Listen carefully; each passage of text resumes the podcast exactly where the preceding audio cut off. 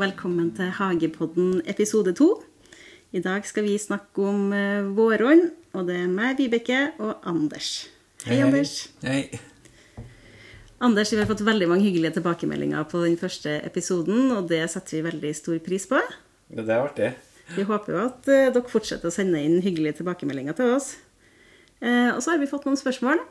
Og det er egentlig to spørsmål som vi har eh, fått. Og det ene er hvor ofte skal vi gi ut eh, en ny episode? Ja, det er jo litt hva vi eh, klarer å gjøre der, hva vi orker. Men vi tenkte at vi skal prøve å få til hver 14. dag, sånn cirka. Ja.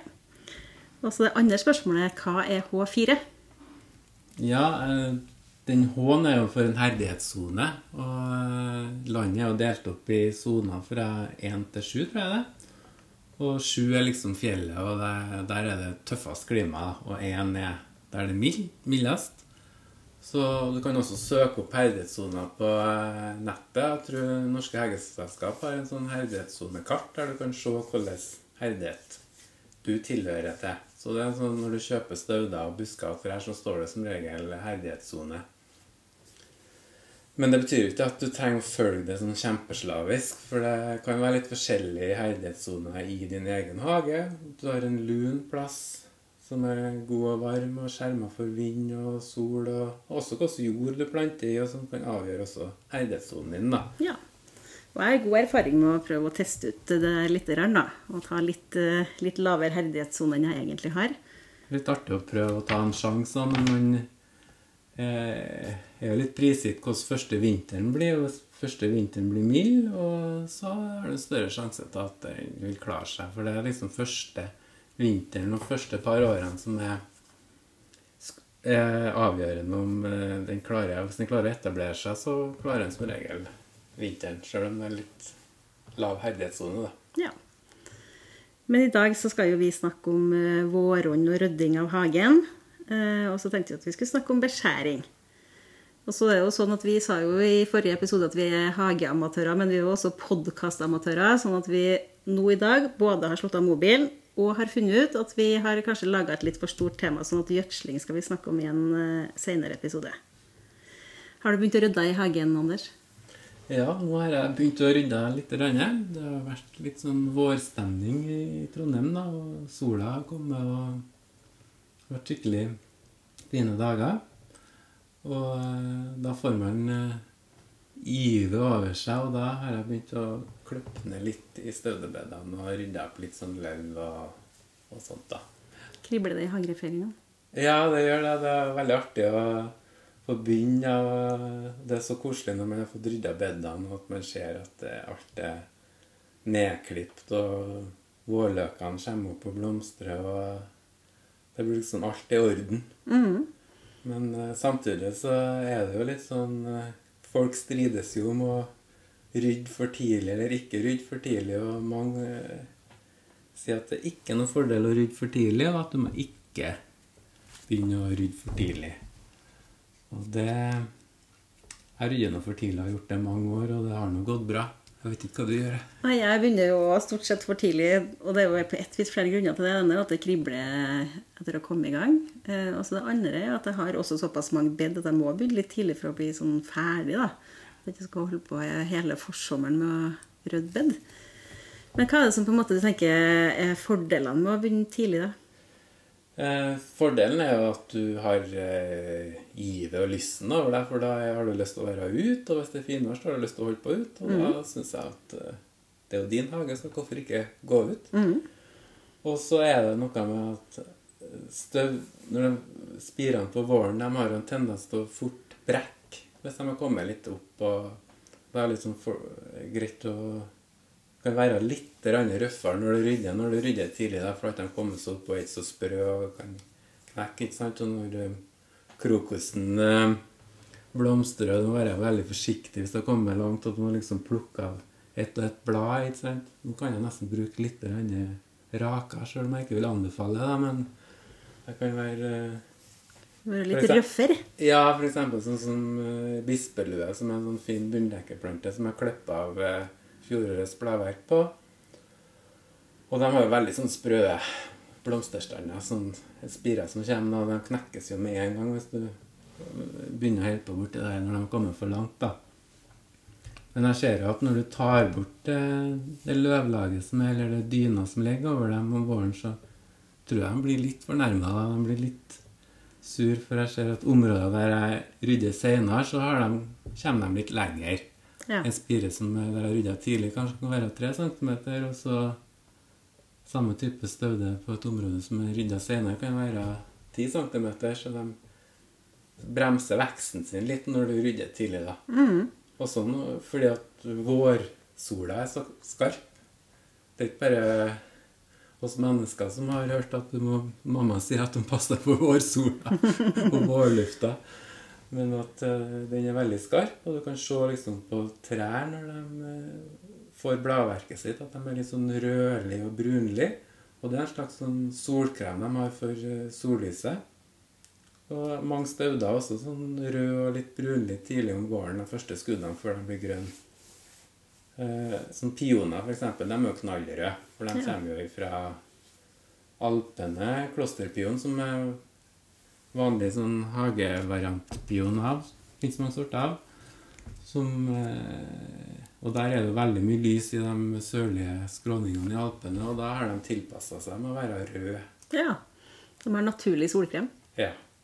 Så det er ikke bare kalden som er problemet for plantene, også så lyset. Og det vet man jo hvis man har inne Hvis man har fuksia eller noen sånne inneplanter som man tenker at ja, nå er det fint og varmt ute, nå setter jeg dem ut for at de skal avherde, og så dagen etterpå så detter alle bladene av for de har blitt solbrent. Ja. Det har jeg gjort mange ganger. Men eh, For nå har vi jo snakka litt om fordelene med mygg tidlig, men da har du for så vidt sagt noe om ulempene òg. Men eh, i hvert fall jeg har opplevd noen ganger i hagen at hvis at løvet blir liggende og det blir veldig bløtt, så råtner ting under. Det er jo litt sånn motivasjonen min for å begynne å fjerne det. Ja, hvis du har veldig mange store trær, og det har jeg òg, og så blir det veldig mye løv, og så blir det nesten sånn tett. Og, og det er jo sånn med, gjøt- med, nei, med isolasjon òg. hvis isolasjonen blir blaut, så mister den jo litt av effekten sin. Og sånn er det med løv, hvis det blir sånn blaut kake som, eh, som holder de Plantene klarer nesten ikke å finne fram eh, opp, og de blir, kan få møgl, og du får uh, tett, altså.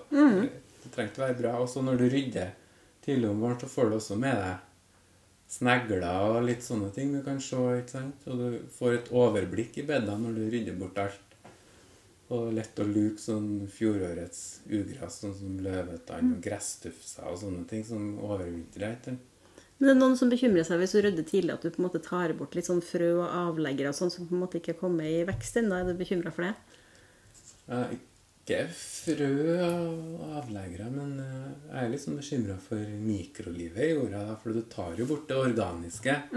Og det er jo ikke bra å ta bort organisk materiale, for det for marken som Iallfall her i Trøndelag så har vi masse leirjord, og mark er veldig viktig. Og organisk materiale er viktig for å få luft i jorda, for de trekker jo løvet ned. Så jeg får litt sånn vondt for marken når jeg ser den har samla seg en liten bukett med løv foran huleåpningen sin, og så har den den eh, Så tar jeg bort maten, liksom. Ja. Men eh, når du rydder et bed, da klipper du ned alle staudene som er i bedet. Eh, Men gjør du noe annet? Altså, hva gjør du av alt hageavfallet, f.eks.? Jeg klipper, klipper ned alt. Eh, For at hvis du begynner å ri med hånda, så er det fort gjort at du, da tar du med hele stauden eller fester for eh, årets skudd, da. Det ender seg river litt nå, da, men da er det en staude som jeg vet som tøler det. da. men jeg vil ikke anbefale å rive, da. Du må klippe. Og eh, kan det være om Jeg er jo litt sånn at jeg liker å ha det ryddig, men samtidig så har jeg også prøver jeg å tenke på mikrolivet, og at jeg har i hvert fall en tredjedel av hagen som jeg velger å ikke ta bort all løvet. Jeg Ta bort deler av løvet, og så legger jeg på kompost som jeg har fra året før, da, oppå.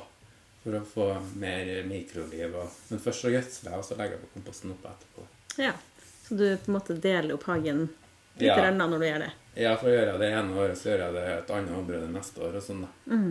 Jeg vet ikke hva du gjør. Har du begynt å rydde, eller har du Jeg har òg så vidt eh, begynt å rydde. Det ble jo veldig fint vær. Jeg venter jo som regel til hagen er sånn skikkelig har tørska opp før jeg begynner. Og det handler jo litt om at jeg syns ikke det er så trivelig å holde på når alt er så bløtt. Men jeg gjør jo som det òg. Jeg tar også rydder bedene, raker opp løv, klipper ned staudene. Og så prøver jeg å klippe opp noe av avfallet, sånn at det blir liggende litt sånn rundt staudene, og legge noe under hekken. Um, og så klargjør jeg jo kjøkkenhagen. Den er jo kanskje den jeg bruker sånn sett mest tid på, da. For å få gjødsla den skikkelig, og få renska opp eh, der, og få vente litt på jorda. Og klargjort den til å så i, da. Heller plante ut. Eh, og så har jeg jo dekker jeg stort sett kjøkkenhagen med noe sånn at den ikke blir liggende med åpen jord. Og det er jo aller mest fordi at vi har et lite, kanskje ikke katteproblem, men det er veldig mye katter i nabolaget, og det blir jo utedoen til kattene, da. Ja. Nei, det kjenner jeg til. Det er veldig bra å få eh, gjødsla opp og vente inn inn organisk materiale og sånn tidlig i kjøkkenhagen, sjøl om det er flere uker til du skal så. For da får den ligge liksom i ro. Mhm. Og så kan du legge over fiberduk, og da ser du hvis når ugressfrøene begynner å spise, så tenker du, da er det varme nok. Ja, så Da da at du kan så. begynne å så sjøl. Da. Mhm. da får du også renska bort en del eh, ugress før du sår òg. Ja. I fjor så dekte, dekte jeg jo kjøkkenhagen min med sånn halm som jeg hadde fått av ei venninne med hest. Og det har jo, det har jo god hvert fall effekt i forhold til all den her kartskiten som jeg finner i kjøkkenhagen. da.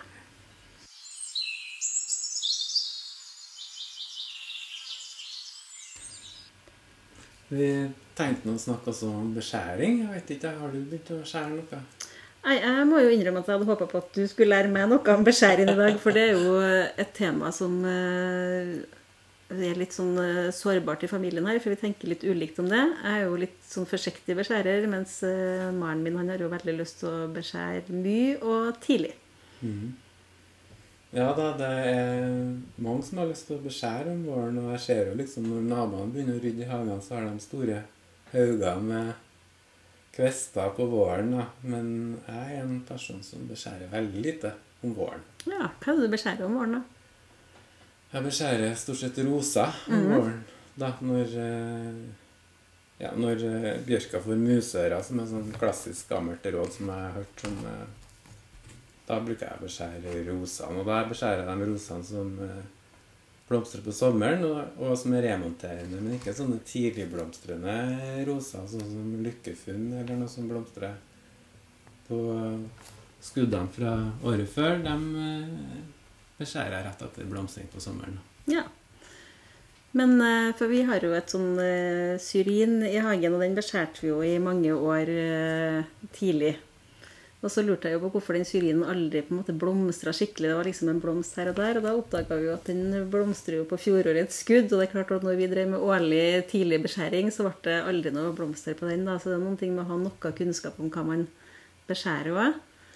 Ja, det eh, Du tar jo bort blomster. Som regel så har man jo busker som blomstrer tidlig om sommeren. Og eh, da Hvis du vil fornye en busk, da, så er det jo greit å ta det om våren hvis den er blitt så stor og svær. Så er jo veldig veksekraft om våren, og da kan du bare kutte den helt ned til jorda.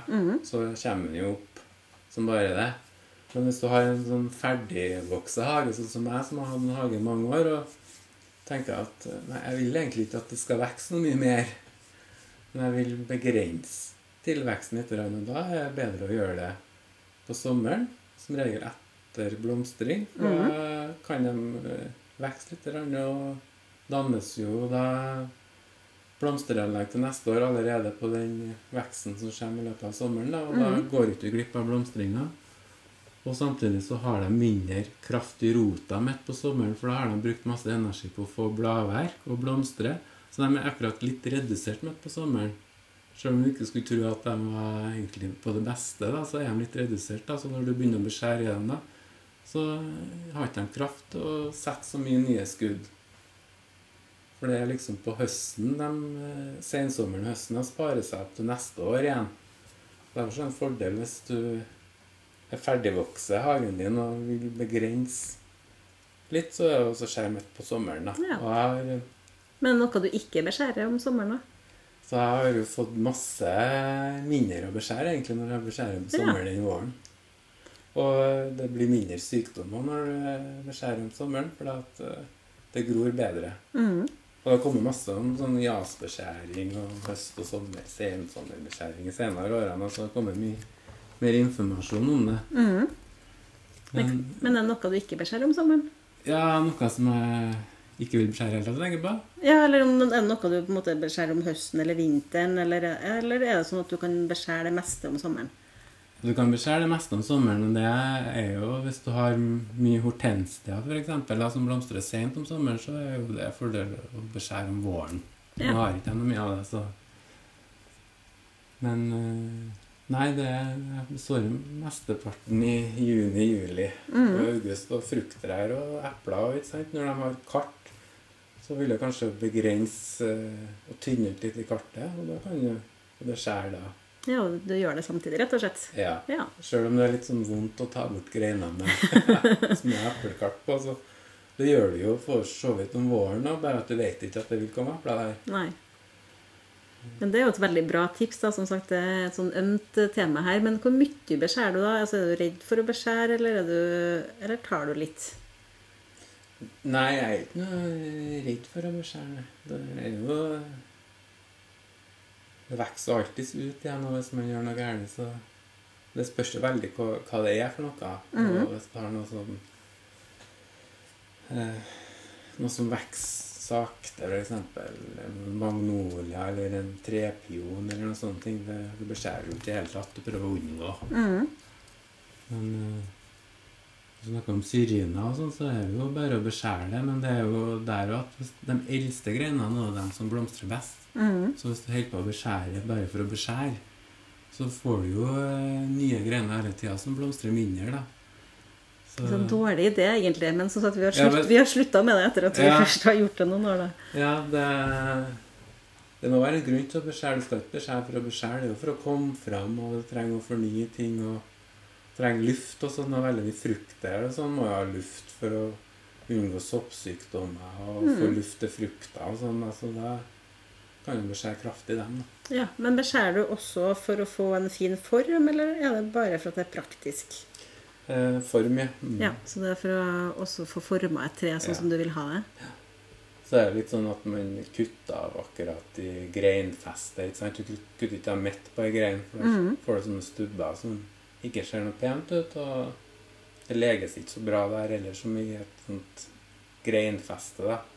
Og så bør det være litt sånn skrått, sånn at uh, vann og sånn kan renne av. Og -hmm. Vi har jo bestemt oss for at vi skal ha en eh, fast spalte som heter 'Hva skjer i hagen nå?' Så nå lurer jeg på hva skjer i hagen din nå, Anders? Ja, jeg er nå litt mest spent på om du har begynt å så. Men det har jeg faktisk. Da vi spilte inn podkasten sist, så sådde jeg i all hovedsak eh, dagen etterpå. Så nå spirer det jo litt i krukkene eller, eh, som jeg har i vindusposten. Sånn at det nærmer seg at jeg skal begynne å pirkle noe. Men det har sikkert du gjort mye av, som sådd mye tidligere enn meg. Ja, jeg har eh, prikla litt, og prikla er også et ord som mange kanskje lurer på hva er for noe. Det er jo når, det, når dem du har sådd, har kommet opp, og de har fått sitt ett naturlig blad, så du skal begynne å plante dem over til en annen potte. Mm. For da, når du sår i såjord, så er jo den næringsfattig. Og da vil du liksom plante den over til mer blomsterjord som har litt mer næring. Mm. Og da må du være veldig forsiktig når du gjør den eh, prosedyren. da, At du kanskje tar en gaffel eller en kniv og tar den forsiktig opp. Og lager deg et høl og planter den forsiktig ned. Og holder til bladet istedenfor stengelen, for den kan jo fort brekke. Mm. Og, og når du planter den eh, ned, da, så eh, vanner du og passer på den. Og du kan også vente litt med å gjødsle til du ser at den er, er i vekst. da, For at nå får den jo ny jord, og der er det allerede litt gjødsel i. Mm -hmm. Du kan jo vente at den vokser litt, og så kan du begynne å gjødsle litt forsiktig. Ja, men noen ganger så er jo disse spirene så små at eh, det går nesten ikke an å se for seg om man skal klare å få én og én i en eh, potte. Hva gjør du med dem? Ja, det kan jo være litt sånn hvis man sår lobelia eller noe sånn småtteri, da. Så da tar jeg en sånn liten klynge Mhm. med fire-fem spirer og, og plante i midten, og det går bra, det. Ja, Så da, da tar du ikke én og én? Nei, det er ikke. For jeg har jo timian i vindusposten her nå, og den er jo så liten at det ikke går an å se dem omtrent. Så det er litt Nei. vanskelig å få til. Da kan du bare ta en liten klynge. Ja. Eh, Vi har jo sagt at vi skal svare på spørsmål hvis noen har det. Og da kan spørsmål sendes på Instagram-kontoene våre. Enten Anders Ebbesen eller Fire i Kiellands gate. Og så har vi da bestemt at det neste temaet skal være gjødsling.